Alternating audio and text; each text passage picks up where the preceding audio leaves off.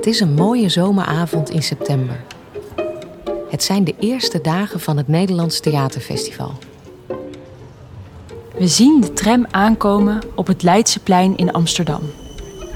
Voor ons staat de imposante schouwburg Internationaal Theater Amsterdam. Opvallend is het grote balkon aan de voorkant, leunend op twee pilaren. De bouwstenen zijn iconisch rood, afgewisseld met grijze elementen. Het dak is versierd met kasteelachtige torentjes. Het is druk op het terras en mensen lopen door de draaideur naar binnen. Mag ik uh, een kaartje voor vanavond voor Jihad van Liefde? Door het restaurant, de trap omhoog, via verschillende foyers richting de zaal. Alsjeblieft, ik wens u fijne avond.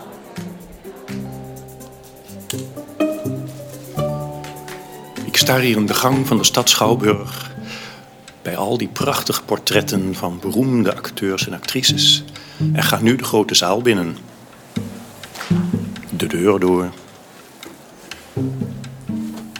Het trappetje af.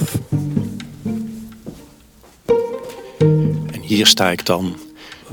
Het podium. En ga staan waar de acteurs in vroeger tijden ook altijd stonden. Midden voor op het toneel. Je luistert naar Jan Dirk van den Berg, cultuurhistoricus en docent. Het toneel in Amsterdam stond rond 1800 op een absoluut hoogtepunt in Europa. Daarna werd het een tijdje lang aanzienlijk minder, maar rond 1900 kwam Amsterdam weer op een heel hoog theatraal niveau terug. En bij acteurs en actrices uit die tijd moeten we het natuurlijk altijd zonder opnames en beelden stellen. Maar als we de beschrijvingen uit die tijd lezen, dan eh, snappen we toch wel een beetje wat voor een geweldig en wat voor schoonheid daar allemaal heeft plaatsgevonden. Denk bijvoorbeeld aan de absolute sterren van die tijd, de twee bouwmeesters, Louis en Theo, zijn zuster, naar wie de Louis d'Or en de Theodore natuurlijk ook vernoemd zijn. De prijzen die sinds 1955 worden uitgereikt voor de beste mannelijke en vrouwelijke hoofdrol. Maar hoe waren ze zelf als acteurs? En daar kunnen we dan bijvoorbeeld van lezen bij Theo, uh, hoe als zij speelde een toppunt van ontzettende schoonheid werd bereikt en huiveringen van bewondering door de zaal gingen. En een criticus schreef: Zij heeft op ons Nederlandse toneel gespeeld zoals nooit een andere. Ze heeft ons laten voelen en zien en horen wat de hoge hartstocht is en wat er in een vrouwenziel aan liefde en passie en smart, verrukking en wanhoop en extase, uitbundige vreugde en tragisch doodsverlangen, gruwzaam noodlot, zingende jaloezie en heilig moedersgeweelde voor geweldig menselijk groots kan gebeuren. Zij is geweest en gebleven het vlammende hart van ons toneel. En van haar broer Louis werden soortgelijke dingen gezegd. Acteurs die ook hun eigen regisseur waren, die zich volstrekt niet lieten regisseren door wie dan ook. Zij speelden zoals zij vonden dat het moest gebeuren. Pas daarna, in reactie eigenlijk een beetje op het spel van Louis en Theo Bouwmeester, eh, kwamen de regisseurs als makers langzaam op. Willem Royaerts en Eduard Verkade bijvoorbeeld in Amsterdam, die steeds meer hun artistieke stempel op de voorstelling gingen drukken. Maar dat ging uh, zeker niet met instemming van de bouwmeesters. Zij speelden zoals zij vonden dat waarlijk toneel moest worden gespeeld. En iedereen lag ademloos, huiverend aan hun voeten.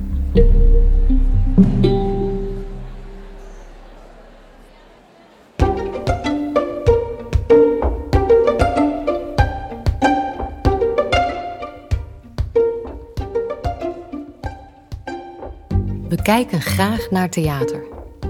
Maar kunnen we ook beschrijven wat er zo mooi aan is? Wij, Alice en Wendy, gaan in NTF de podcast op zoek naar de woorden achter de ervaring. Stel, je praat met iemand die nog nooit naar het theater is geweest. Wat vertel je dan? In drie afleveringen ontmoeten we makers, mogelijkmakers en het publiek in Internationaal Theater Amsterdam. In deze aflevering staat het perspectief van de makers centraal. We gaan in gesprek met Eran Ben Michael en Eline Arbo. Daarnaast bevragen we Abdelkader Benali, voorzitter van de toneeljury. Aan hen vroegen we: wat is voor jou de schoonheid van het theater?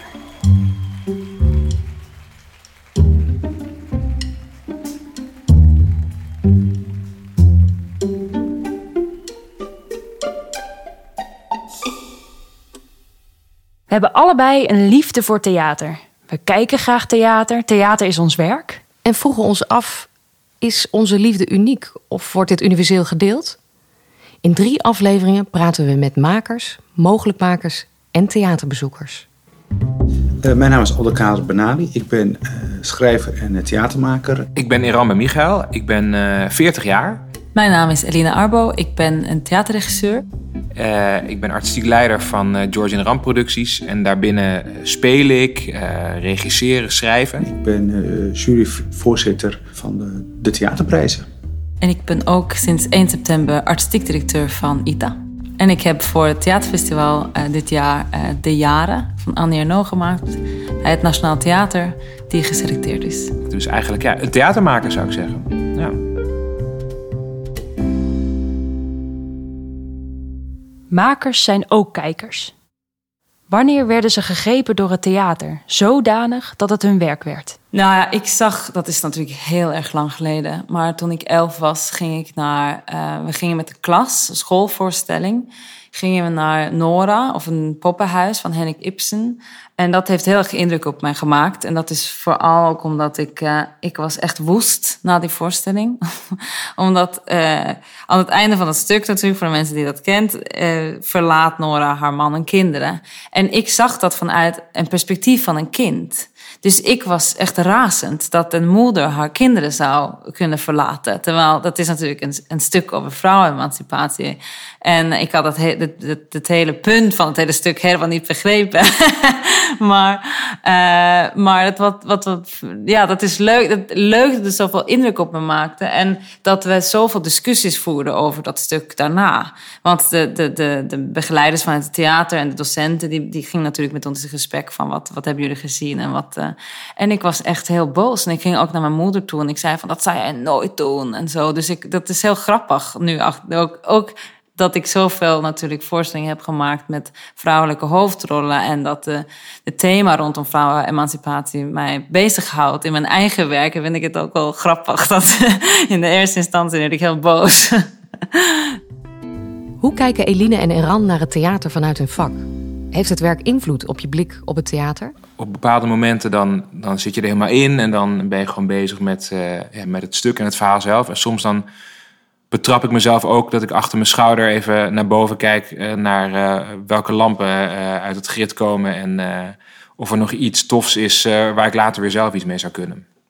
Ik zou het, ja, het mooiste is natuurlijk als je iets heel puur kan bekijken en alleen maar bezig bent met wat er op dat moment is en wat het jou doet en, en, en hoe jij je ertoe verhoudt. Dus het liefste zou ik willen dat dat de ervaring is die, die ik ook heb. Ik kan me bijvoorbeeld herinneren dat ik met Schijn van Fahet, dat ik dat, dat ik dat ook had. Vond ik een hele mooie voorstelling. Is echt wel weer vijf jaar geleden, of ik weet niet, ik ben nooit zo goed in, misschien zes of zeven of, of drie. Maar dat vond ik een hele mooie voorstelling en die zag ik in, eh, in, in Bellevue. En daar was ik het eigenlijk helemaal kwijt.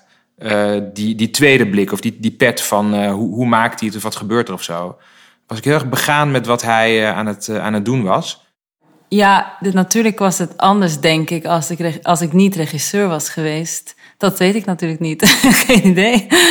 Um, natuurlijk kijken als regisseur vanuit, uh, vanuit je vak en vanuit ja, hoe, je eigen ervaringen. Dat is altijd zo. Je probeert het een beetje uh, af te sluiten. Want je wil natuurlijk niet met, ik weet niet, vooroordelen of een idee van hoe had ik het uh, moeten doen willen doen, uh, gaan kijken.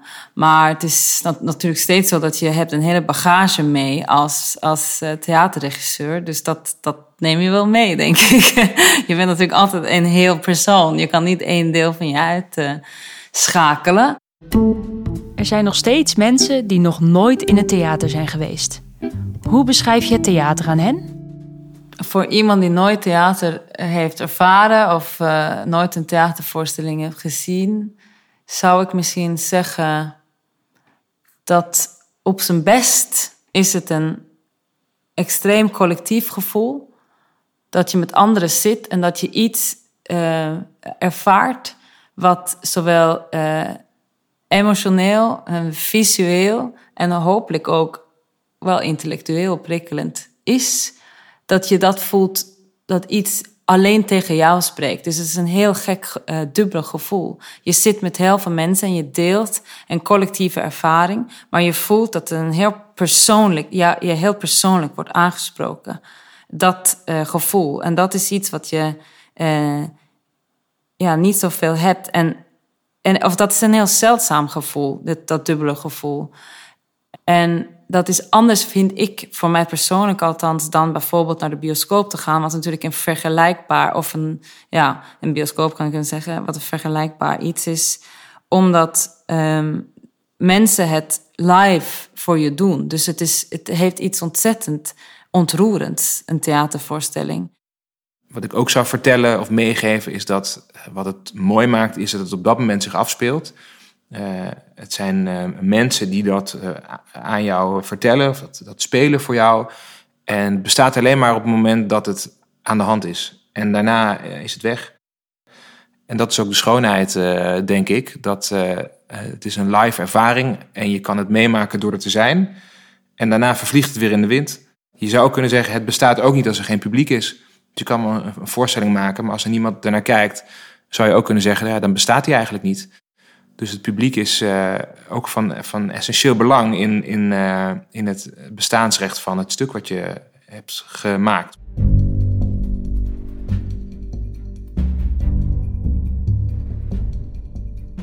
Abdelkader Benali is voorzitter van de toneeljury en kijkt anders. Naast toeschouwer beoordeelt hij de voorstellingen. We kennen hem onder andere als schrijver en theatermaker. En vanuit al die rollen hoe kijkt hij naar het theater? Voorheen was ik, eh, was ik bezoeker of, of was ik schrijver. Ik, ik heb veel theaterteksten gemaakt. En was me altijd wel bewust van het feit dat, dat je als schrijver een halffabrikaat maakt. Je, je, je, schrijft iets en dan gaat het de vloer op. En in dat proces wordt dat, dat, dan wordt het theater, dan wordt het toneel. Op een gegeven moment heb ik zelf de stap gezet naar het zelf ook theater maken. Dus mijn eigen teksten spelen, voordragen. Eh, brengen. En uh, daardoor, ben ik, daardoor ben ik wel anders gaan kijken naar de uitvoeringspraktijk om me heen. Ik, ik kijk naar theater uh, ja, om geïnspireerd te raken en ook, uh, ook om te begrijpen hoe de wereld in elkaar zit. En ik kan enorm genieten van wanneer ik iets zie wat werkt. Daar kan ik heel erg van genieten. Dat voel ik meteen. Ik voel meteen de energie, de synergie. Ik voel de vondsten, ik voel het de idee die er ontstaat. Dat, dat, kan ik heel erg voelen. En dan, ja, dan ben ik los, dan, ben ik, dan zit ik erin, want dan wil ik niks missen. Theater is een heel gekunsteld iets. En, en dat, dat, dat weet je, je weet dat. Tegelijkertijd kan het gekunstelde veel dieper ingrijpen op je, in je leven dan iets wat heel natuurlijk lijkt. Dus, dus wat zegt het dan over theater? Wat zegt het over realiteit? Wat zegt het over het leven dat we leiden? Namelijk dat uh, uh, iets wat je maakt, als het goed is gemaakt en het is bezield, dat dat een heel langdurig na-effect op je heeft. Dat het op, op, plekken gaat zitten waar eigenlijk de realiteit, de dagelijkse niet helemaal niet niet, niet kan komen. En dat is iets wat alleen theater kan. En dat heeft ook heel erg te maken met het collectieve ondergaan van de uh, ervaring. Ik, uh, alleen in theater zitten is niet leuk. Het is niet leuk voor de, voor de toeschouwer, het is niet leuk voor de, voor de speler. Maar met z'n allen iets meemaken is heel intens. Met z'n allen getuigen zijn van een moord is heel intens. Met, met z'n allen getuigen zijn van verraad. Het is een heel intense ervaring. Met, met het collectieve geweten wordt aan het werk gezet. En je bent even gewoon, voor de duur van het stuk, ben je even. Uh, eigenlijk ontoerekeningsvatbaar. En na afloop moet je er chocola van zien te maken. En dan, dan heb je eigenlijk ook wel weer behoefte aan een gesprek. Dat is heel gekke. Terwijl dat heb ik niet zo snel met een film. Of, of, of, of met een. Nee, is heel anders, hè? Gewoon een heel ander soort. Uh, theater doet, doet, een, doet, twee dingen heel goed. Namelijk appel doen op je inlevingsvermogen, dat is heel individueel. Maar ook een appel doen op je, op je collectieve, collectieve verantwoordelijkheid. Dat doet het heel goed. Goed theater kan dat.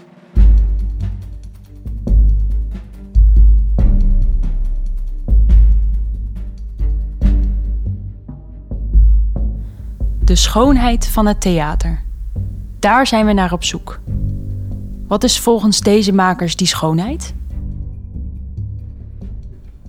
Ja, ik denk dat het antwoord op wat is de schoonheid van theater wel verandert. Omdat toen, ja, enigszins wel, maar ook ergens niet. En wat niet is veranderd, is, uh, is mijn, uh, wat moet je zeggen, de emoties die ik heel erg voelde toen. Dat ik zo boos, dat je überhaupt door een theatervoorstelling en zeker door de uh, klassieke repertoire uh, zo boos kan worden. Dus blijkbaar dat het zoveel emoties oproept, dat het iets ook maatschappelijk is. Dat is ook wat ik probeer met mijn eigen voorstellingen eigenlijk teweeg te brengen. Dat je ergens voelt dat het zowel persoonlijk als politiek is. En wat wel veranderd is, is natuurlijk wel ook mijn uh, liefde voor de grote zaal en de vormen die je daar in, in het theater hebt. Dat je echt een soort uh, ja, spektakel van licht en, en, en scenografie en mensen en muziek natuurlijk, wat ik veel gebruik in mijn eigen voorstellingen, dat, dat al die vormen samenkomen. Dat is iets wat ik veel meer eigenlijk heb, wat meer is ontwikkeld en wat ik, wat ik zeker zou noemen de schoonheid van theater. Ik denk dat de schoonheid van het theater ook is dat je als maker een soort zaadje plant. En dat zaadje kan dan uitgroeien als hij de goede voeding krijgt onder de goede omstandigheden. Tot een hele grote boom, wiens takken veel verder rijken dan dat je ooit had uh, kunnen bedenken. toen je achter je computer een, een voorstelling aan, het bedenken was. En dat is niet te overzien. En, en, en hoe dat kan doortikken, dat, uh, ja, dat is een heel uh, magische, magische keten waar je dan een onderdeel van uitmaakt. Ik heb theatervoorstellingen altijd heel awkward gevonden. Want ik vind het heel raar dat volwassen mensen uh, doen alsof ze doodgaan voor andere volwassen mensen. Dat is gewoon een heel bizarre situatie als je daar echt over nadenkt. Maar dat is de mooie van theater. En ik vind het allermooiste is dat je. Dus dat is de ervaring. En ik vind wat ik het mooi, mooi, mooiste vind aan theater daarin is dat het. Uh, dat gekke, idiote situatie van volwassen mensen gaan dit doen en doen alsof voor je, voor je ogen, is de afspraak die we allemaal hebben gemaakt. Dat wij het allemaal op moment geloven. En dat is inlevingsvermogen. Dat is een, een empathische beweging. En om dat te doen, dat, ja, dat is wat de wereld nodig heeft. Want ik ben bereid, terwijl ik weet, ik heb een kaartje gekocht, ik ben hier binnengelopen, ik heb er gaan zitten, ik heb gezien dat de lichten uitgingen. Ik weet dat dit fake is. Ik weet het, ik weet het. Dat is een feit. Maar ik ben toch bereid om te geloven. En dat is, dat is heel erg belangrijk. Want dat, ja, dat is inlevingsvermogen, dat is verbeelding. En dat is wat we nodig hebben in de maatschappij als geheel, als mensen, in de relaties die we hebben. Dat. Voor mij is de schoonheid van het theater toch dat, dat bezielde verband wat, wat kan ontstaan op een toneelvloer tussen, de lichaam, tussen het lichaam en het woord. En dat vind ik, ik blijf me verbazen over, over het oneindige aantal manieren waarop je dat, die, die reis die je maakt kan invullen op zo'n avond. Ook al heb je die tekst honderd keer gedaan, en ik geloof me, ik heb heel veel teksten heel vaak gedaan, maar elke keer moet je hem opnieuw uitvinden. Dat is, dat zo spannend, dat, dat je je, je, je kan hem spelen voor de veertigste keer. Maar om hem goed te spelen moet, moet je hem gaan spelen alsof je hem nog niet hebt gespeeld. Dus je moet weer een verhouding zien te vinden met temporaliteit, met tijd zelf. Met het onbekende eigenlijk, wat voor je ligt. Dat pad wat je gaat bewandelen, waarvan je het publiek getuige maakt. En ik vind dat een heel spannend proces. Waarom vond Plato, ik vind zo Plato, theater een gevaar voor de samenleving? En nou, dat, dat, Aristoteles weet het uit te leggen, eh, eh, omdat je namelijk eh, door theater ga jij emoties voelen die je nog niet eerder hebt gevoeld. Ook hele gevaarlijke emoties. En omdat je die emoties voelt, ga jij, ga jij moeten nadenken over waarom je ze eigenlijk voelt. En kom je erachter dat in elk mens botsende emoties leven. Theater laat, je, laat zien dat iemand is vermoord en je wil wraak. Maar dan blijkt degene die, die is vermoord, het blijkt, eh, die, die is vermoord door jouw geliefde. Maar van je houdt van die geliefde. Dus je hebt en een wraak, je wil wraak nemen, maar je hebt ook de liefde in je. En die botsen met elkaar. En Aristoteles zegt dan van, dat theater, dat leert ons omgaan met die tegengestelde emoties. Die we met ons meedragen. Niet alleen die we voelen in het theater, maar die we met ons de hele dag door gewoon voelen in de werkelijkheid. Elke dag opnieuw moeten we beslissingen nemen op basis van die bossende emoties. En theater helpt je om, om, om inzicht te krijgen in wat er daar met je gebeurt. Om eigenlijk inzicht te krijgen in die verwarring die je voelt.